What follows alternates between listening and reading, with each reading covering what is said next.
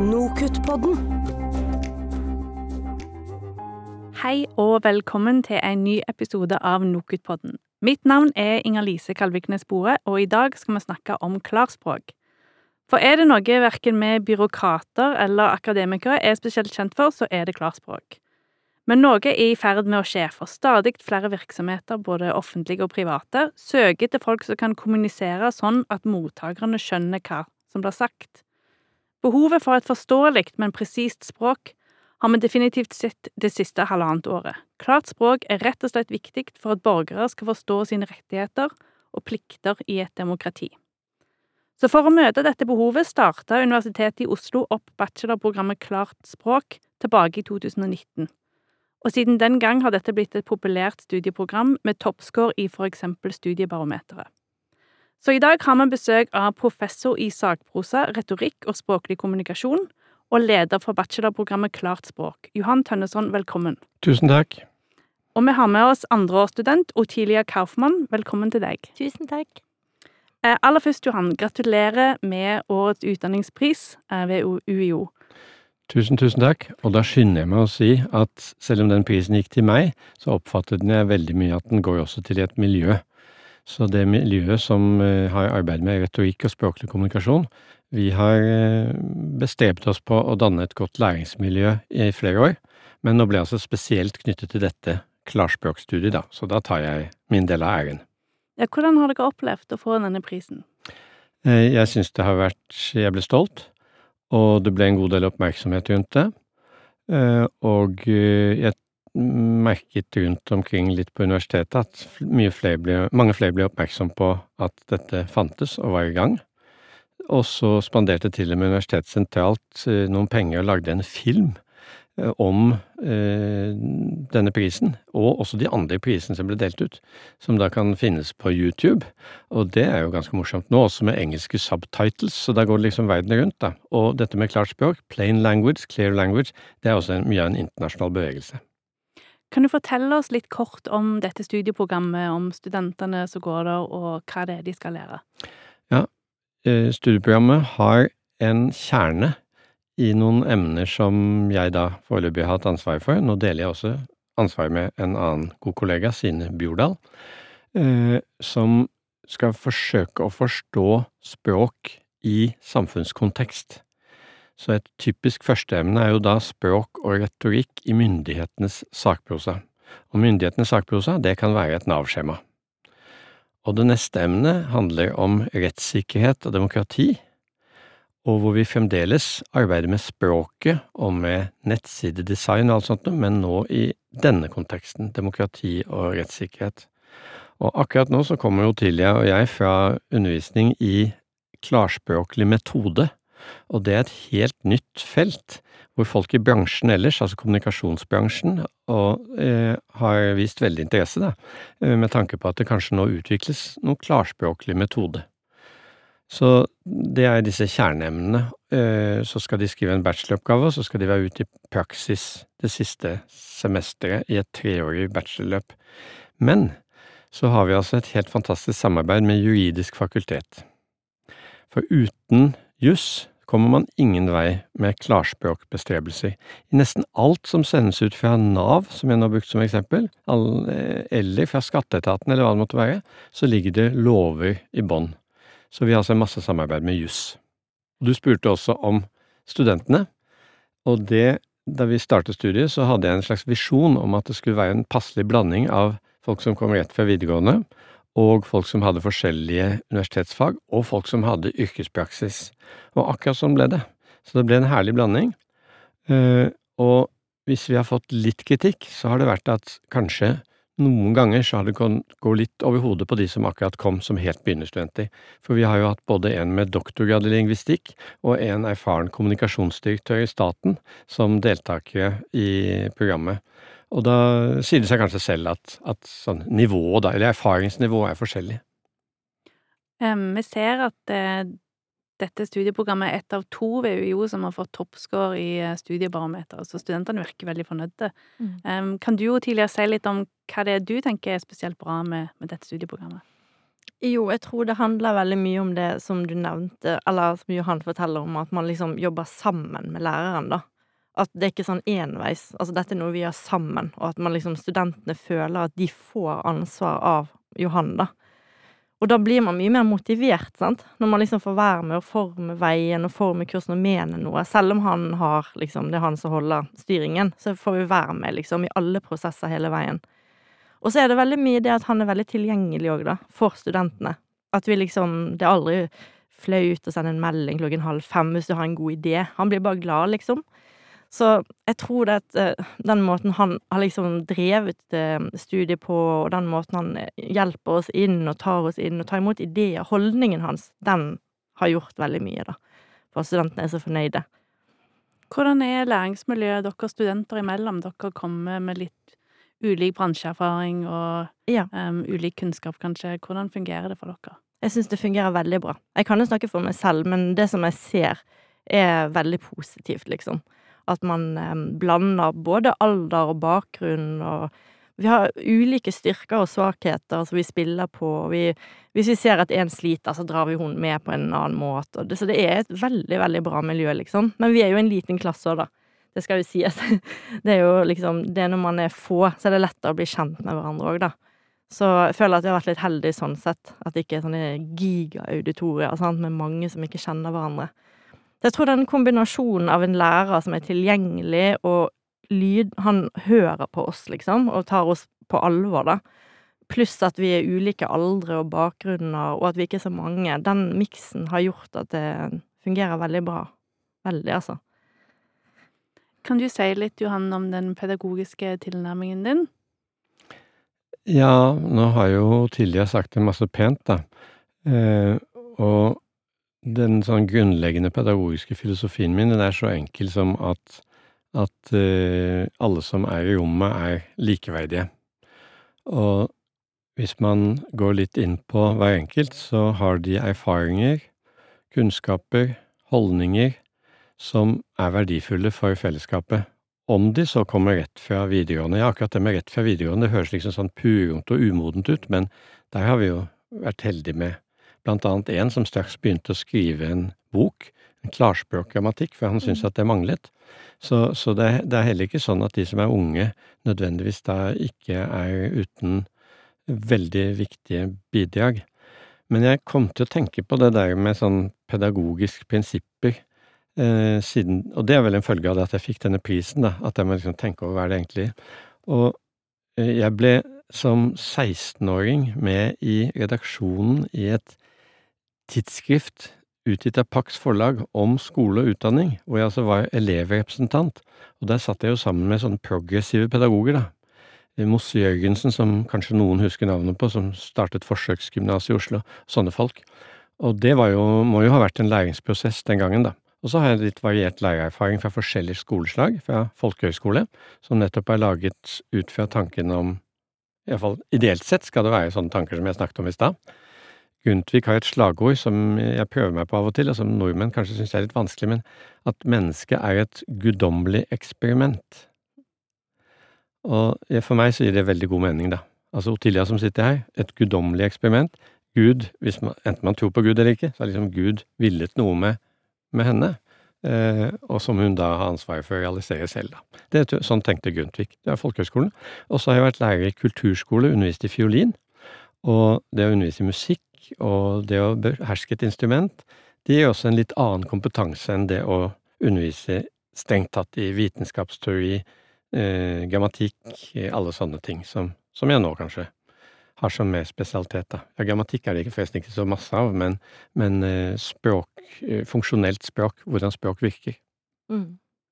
Du sier det er en enkel filosofi, men jeg tenker det er ikke så enkelt i praksis. Jeg ser for meg at det, det er litt mer komplekst enn å levere en forelesning, for eksempel. Du skal ta hensyn til disse ulike menneskene som er i rommet, og hva behov de har, og hva de ønsker.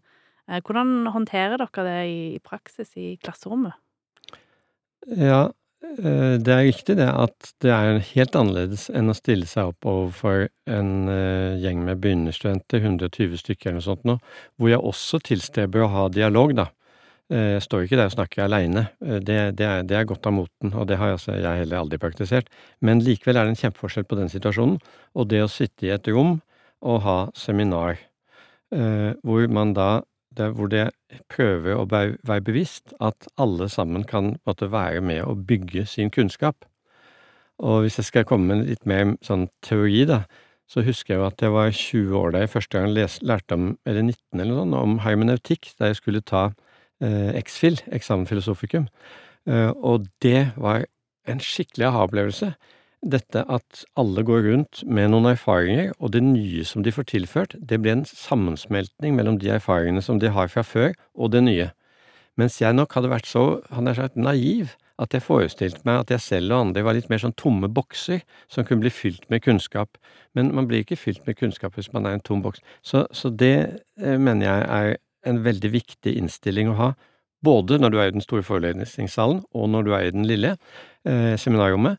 Men i det seminarrommet så har du da sjansen til mye mer konkret å mobilisere til diskusjon, ettertanke, kritikk og helt konkret arbeid med tekster, som, jeg, Mm. som vi har drevet ganske mye ved, har vi ikke det? Jo, veldig. Mm, veldig. Jo, som han sier, at noe har gått av moten. Det er ganske bra forklart, da, for du er ganske avhengig av å kunne snakke frem og tilbake når det er et sånt fag. For dette, når man skal ut i arbeidslivet, så vil man jo møte på mange forskjellige yrker. Sant? Du har juristene, økonomene og HR-sjefen, og, og du skal lære deg å på en måte liksom tilpasse deg som en klarspråkmedarbeider. Sant? Det er jo ikke noe hyggelig, sånn som det står i en sånn som vi har på pensum, å være den surpompen som løper rundt med rød penn. Det er jo en dialog, sant. Du må jo prøve å forstå juristen og hvorfor han syns dette er vanskelig, sant. Så det er den måten han da underviser oss på med at det er dialog, det er jo sånn det vil bli når vi skal ut og jobbe. Du må, altså du må diskutere med juristen hvorfor det er vanskelig å ta vekk kanselliord og sånn. Så den måten han underviser på, det er sånn det blir. Eh, Men da kommer jeg på at eh, tidligere på, i annen undervisning, når jeg har hatt evalueringer, så spør jeg ofte er det for lite eller for mye forelesning. Eh, Er det for lite eller for mye studentaktivitet? Og der det har vært ganske mange som gjerne vil ha mer forelesning. Og da har jeg vært så heldig med den gruppa her at det har det ikke vært sånn etterspørsel etter. Eh, Og de har nettopp villet ha sånn dialogisk Mm. undervisning, som jeg syns er det absolutt mest meningsfylte, da. Mm. Jeg er helt enig. I hvert fall på et sånt studie.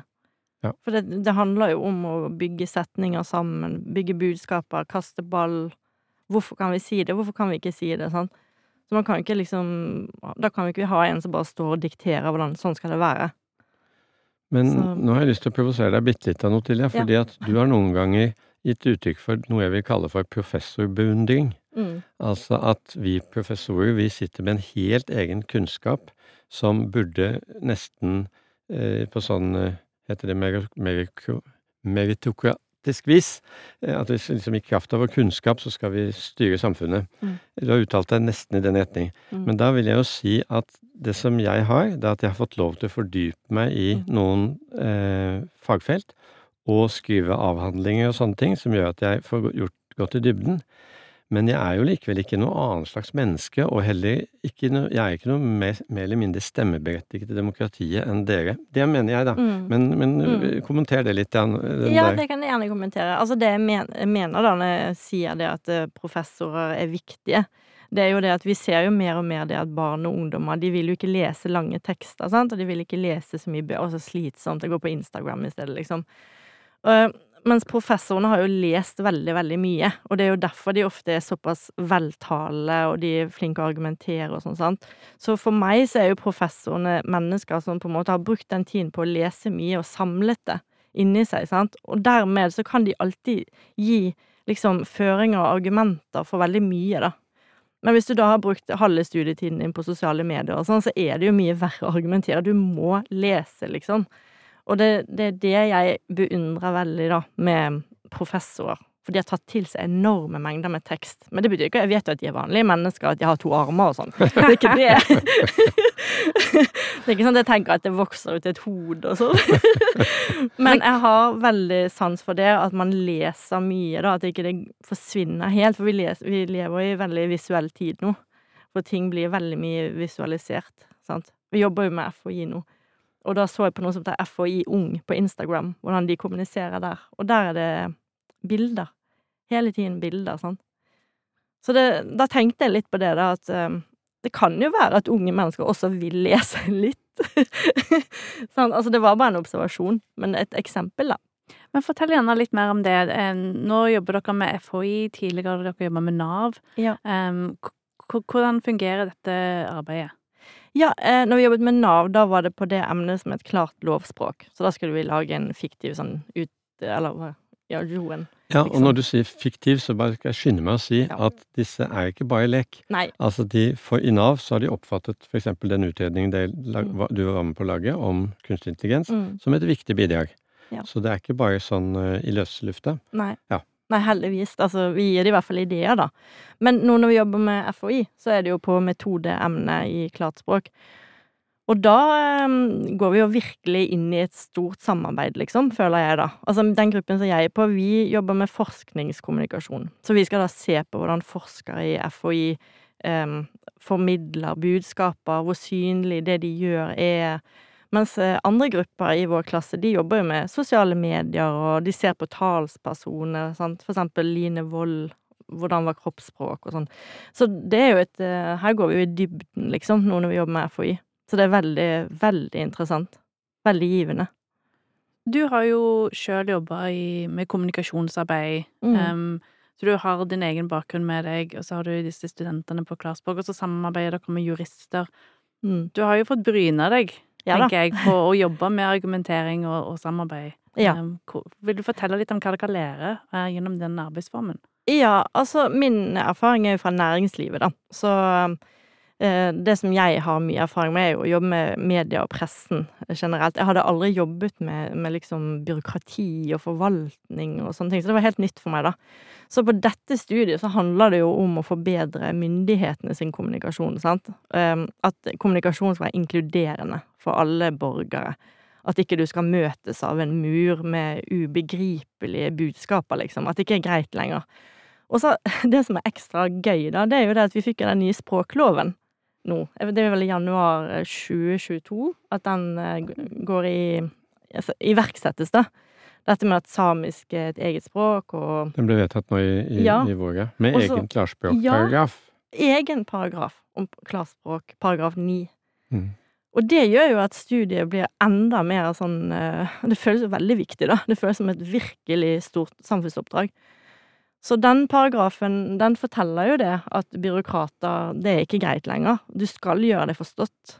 Men ja, du kan jo første, eh, den, den siste kullet nå har nettopp vært nede i Språkrådet, og der sitter de nå og lager forskrifter knyttet til denne klarspråkparagrafen, og der vil de gjerne ha dialog med studentene våre om det. Og det er noe som heter ISO-standard, som er en eh, fins som du helt sikkert kjenner godt fra næringslivet, Andrea, men som også de offentlige bruker om eh, standard for kanskje det vi sitter her i studio nå, eh, mikrofoner eh, har man sikkert ISO-standard for, men nå skal altså utvikles standarder for plain language. Så det er et internasjonalt arbeid hvor en i Språkrådet er veldig aktiv. Og der trakk hun også inn våre studenter som rådgivere underveis i det. Så det er liksom, det er mye virkelig som skjer rundt oss. Og som, så det er min kjære kollega Jon Christian Nordrum på juss. Eh, han bruker ofte uttrykket at vi har et momentum. Og det føler jeg nok ganske sterkt. Og jeg tror også at det momentumet ikke kommer til å gå over sånn i en blaff. Det er litt kynisk å si det kanskje, men Nav-skandalen, trygdeskandalen, som jo er dypt tragisk Mange mennesker ble satt i fengsel på et feilaktig juridisk grunnlag. Eh, og om de ikke ble satt i fengsel, så er det mange som er bøtelagt. Det er mange triste skjebner. Så det er selvfølgelig en utrolig trist sak. Men for dette studiet så var det nesten en gave. Fordi at da var det ingen studenter som lenger tenkte seg at klart språk bare dreide seg om å ha komma plassert riktig sted og rettskrivning og sånt. At det grunnleggende sett faktisk gjelder nettopp rettssikkerhet, eh, menneskeverd, i møtet mellom eh, borgere og myndigheter. Kan du si litt mer om det samarbeidet dere har med juridisk fakultet? For tverrfaglighet er jo noe som ofte bare snakket om, men som kan være ganske krevende å få i gang fordi ulike fakulteter har ulike systemer for hvordan ting skal gjøres, både akademisk, eh, egne fagtradisjoner, egne måter å tenke på, og tenker jeg sånn økonomiske systemer inne på fakultetene. Så hvordan har dere fått til dette her? Altså, det som gjør at ja, Jeg skal nevne et eksempel, akkurat det studiet som, eh, som Ottilia var med på, da. Der er det altså masterstudenter som er jurister, og også noen fra noen andre fag, eh, som sitter og skal lage disse JOU-ene, altså utredningene, med lovforslag. Det er viktig. Mm. Eh, så de skal lære oss lage lover. Og så har våre bachelorstudenter, eh, noen av dem, fått være med å simulere rollen som klarspråkkonsulenter i et sånt arbeid. Og dette skjedde samtidig som han som er ansvarlig for dette, Nordium, vi burde egentlig hatt han i studio også, eh, for å invitere ham inn seinere, eh, han var leder for arbeidet med NOU-en om fornyelse av opplæringsloven. Og der har han med sin klarspråkkompetanse forsøkt å være eksemplarisk i det arbeidet, så da driver han altså både et stort sånt lovgivningsarbeid, med masse ansatte og sekretariat, og reiser rundt hele landet og snakker med folk på skolene, elever videre, eh, samtidig som han underviser studentene i dette. Så det blir en form for ikke bare forskningsbasert undervisning, som er det som det er tradisjon for i, på universitetene, som vi gjerne vil drive, men også en slags praksis- og forskningsbasert undervisning. Så det er sånn det innholdsmessige, men så tenker du sikkert også organisatorisk, og da gjelder det jo å få til noen sånne små sammensmeltninger som dette med at det faget for dere bachelorstudenter eh, ble slått sammen med det andre, og delvis var slått sammen, Mm. delvis levde sitt eget liv. Og når man gjør noe sånt, så kan man gjøre masse feil. Uh, og det skjedde helt sikkert da også, det tror jeg. Såpass tett var jeg på det at jeg opplevde at ikke alt gikk helt glatt. Men da er det altså nettopp hvis man har den riktige innstillingen, så ser man at den prosessen, inkludert feilene, det er virkelig noe å lære av. Så det er det uh, Når du skal lage en sånn modell, da, så er det ikke nok å lage et antall studiepoeng, en betegnelse, en emnebeskrivelse av kurset, og så er liksom bare å trykke på en maskin, og så går alt i gang, hvis du har en bra lærer og sånn. Det er mange prosesser som må til. Og for å få sånne prosesser til å gå til, så må du også ha noen folk som har en god innstilling til det. Og hvis nå Altså, Juridisk fakultet fikk en særbevilgning fra Kommunal- og moderniseringsdepartementet over mange år for å virkelig få tatt et krafttak når det gjaldt klart språk. Det er det sikkert ikke alle Nokutpoddens lyttere som vet. Jan Tore Sanner, den gang minister der, var å eh, overrakte en masse penger til Juridisk fakultet for noen år siden. Eh, men for at det skal fungere, så må man også få de rette folkene på plass. Og det har de til de grader fått i min kollega Nordum, der, eh, der som hele tiden har tentaklene ute, forsøker å finne ut og manøvrere et ganske svært landskap.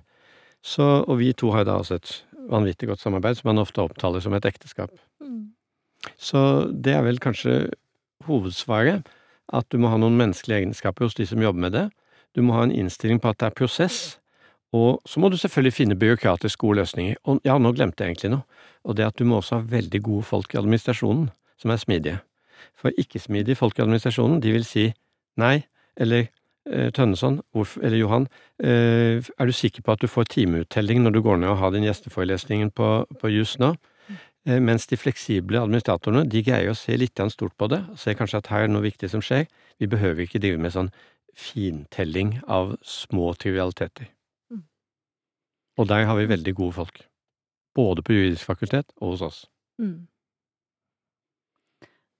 Nå har jeg fått høre litt om eh, programdesign og undervisningsopplegg og læringsmiljø på studieprogrammer. Jeg sitter igjen med et inntrykk av at dere har klart å skape en læringskultur som virkelig verdsetter dialog og samarbeid, eh, både i klasserommet mellom undervisere og studenter, og mellom studenter, men òg mellom disse to fagfeltene eh, på universitetet, og mellom akademia og arbeidslivet og samfunnslivet. Ja, det siste er veldig viktig. Eh, Vi hadde jo nå eh, gjesteforeleser på dette metodekurset fra et stort firma som heter Soprasteria, eh, som ga gode faglige bidrag.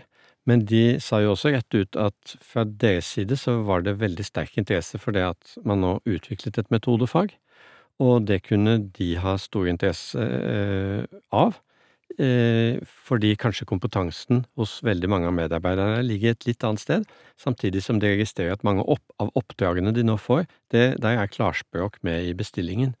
Så da de Da blir det skikkelig sånn symbiose, da.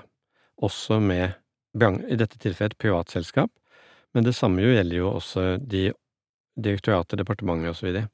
Og jeg har også i mange år før dette studiet startet, vært og holdt foredrag i mange departementer om sakprosa, eh, innprentet byråkratene at dere er forfattere. Dere er sakprosaforfattere, og dere må huske på at dere har et stort publikum som dere må ta alvorlig som mennesker, og sånne ting har jeg sagt i årevis.